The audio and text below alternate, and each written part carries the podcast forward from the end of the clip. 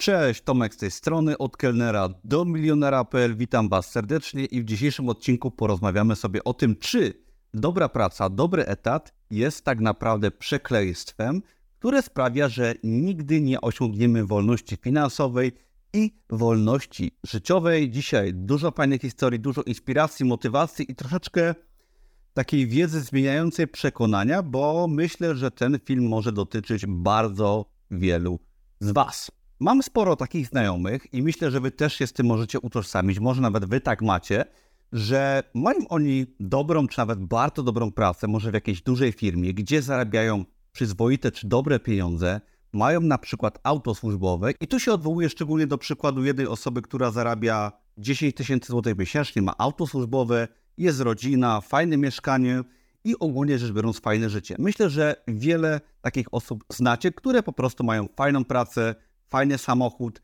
fajne mieszkanie czy dom, rodzinę, dobre życie, jeżdżą na wakacje kilka razy w roku nawet i patrząc z boku na takie osoby, na takie rodziny nawet, widzimy często duży sukces. Widzimy wręcz w cudzysłowie takie osoby, które osiągnęły wszystko, które są wręcz jakby milionerami, bo często mają fajne samochody, fajne mieszkania czy domy. No i może się wydawać, że jest to życie idealne, że jest to to, o co warto walczyć. Tylko czy aby na pewno. To jest historia ludzi z dobrym etatem, którzy dobrze zarabiają, no i którzy mają dużo, przynajmniej patrząc na rzeczy materialne. Ale niestety wartość netto często takich osób jest grubo, ale to grubo na minusie. Bo jeżeli masz auto służbowe czy auto w kredycie, mieszkanie czy dom w kredycie hipotecznym i na przykład oszczędności rzędu 30 tysięcy złotych, to jesteś często kilkaset tysięcy złotych na minusie, jeżeli chodzi o Twoją wartość netto. I ktoś powie, że no okej, okay, ale jest fajne życie, praca w sobie w miarę ją lubię, dobrze zarabiam. Okej, okay, ale czy jesteś wtedy wolną osobą, która może przestać pracować, która może robić co chce? Nie. Musisz cały czas, żeby utrzymać ten styl życia, pracować, no w sumie do końca życia, kiedy to czeka cię emerytura raczej bez jakichś wodotrysków. Historia numer dwa. To jest akurat moja historia. Ja nigdy nie mogłem odnaleźć się na etacie, nigdy nie miałem dobrej czy dobrze płatnej pracy, nie miałem auta służbowego, nie miałem dodatków, nie miałem multisporta, żadnej karty benefit na siłowni, nic.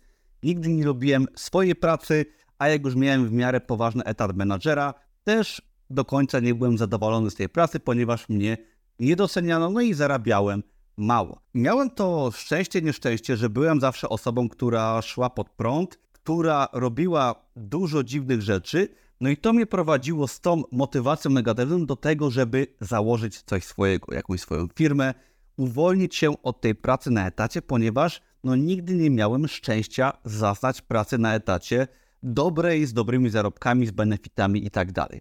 I tak się stało, że to mnie wręcz zmusiło do otworzenia swojej firmy i do zarobienia kilku milionów złotych, do kupienia sobie w sumie dwóch mieszkań, spłacenia kredytów, ponieważ bolało mnie to, że miałbym mieć zobowiązania w postaci pracy dożywotniej, kredytów i tak dalej.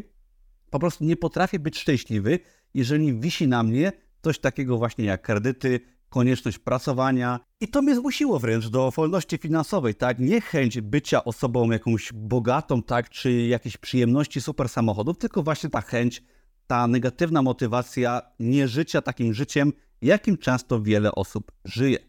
I teraz podsumowanie tych dwóch jakby rozbieżnych dróg jest takie, że ok, można mieć samochód, dom, mieszkanie, jeździć na wakacje, zarówno będąc osobą na bardzo dużym minusie wartości netto. I tak samo ja z zewnątrz wyglądam wręcz na biedniejszego niż często osoby, które mają dobrą pracę, samochód służbowy i na przykład dom na kredycie hipotecznym. Aczkolwiek różnica jest taka, że ja czy osoby takie jak ja nie muszą pracować, tak? Ja nie muszę pracować, ja mógłbym przez wiele, wiele lat nie pracować i wciąż miałbym za co żyć, mam oszczędności, mam inwestycje i dopiero czuję, że się rozkręcam i tak, ale to jest ta duża różnica. Wolność wyboru, wolność decydowania tego, co będę robić w wolnym czasie, gdzie pojadę, kiedy pojadę i nie muszę zjawiać się w pracy i nie jestem podporządkowany żadnej firmie, żadnemu szefowi.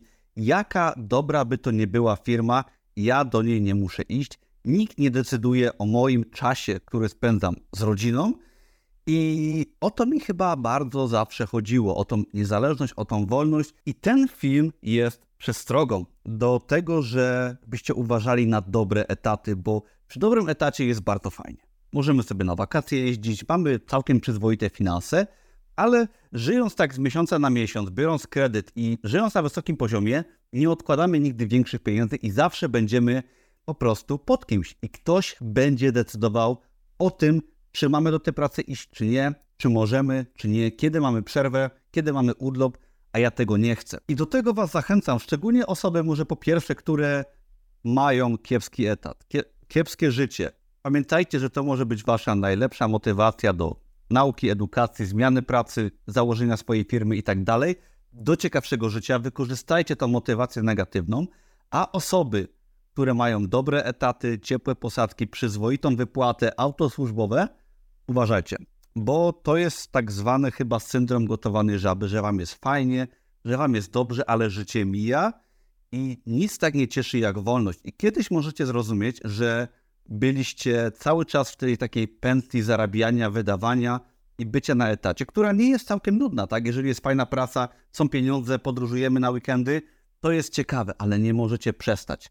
Jak ten chomik w tym kołowrotku, gdy przestanie biec, wypada i gdzieś tam na bok. I niestety tak jest właśnie z tego typu pętlą, tak? Tak zwany wyścig szczurów trochę, jak to kto nazywa, ale nie można przestać pracować. W tym cały problem, że nie ma tutaj wolności, dlatego zachęcam do odkładania sobie poduszki finansowej.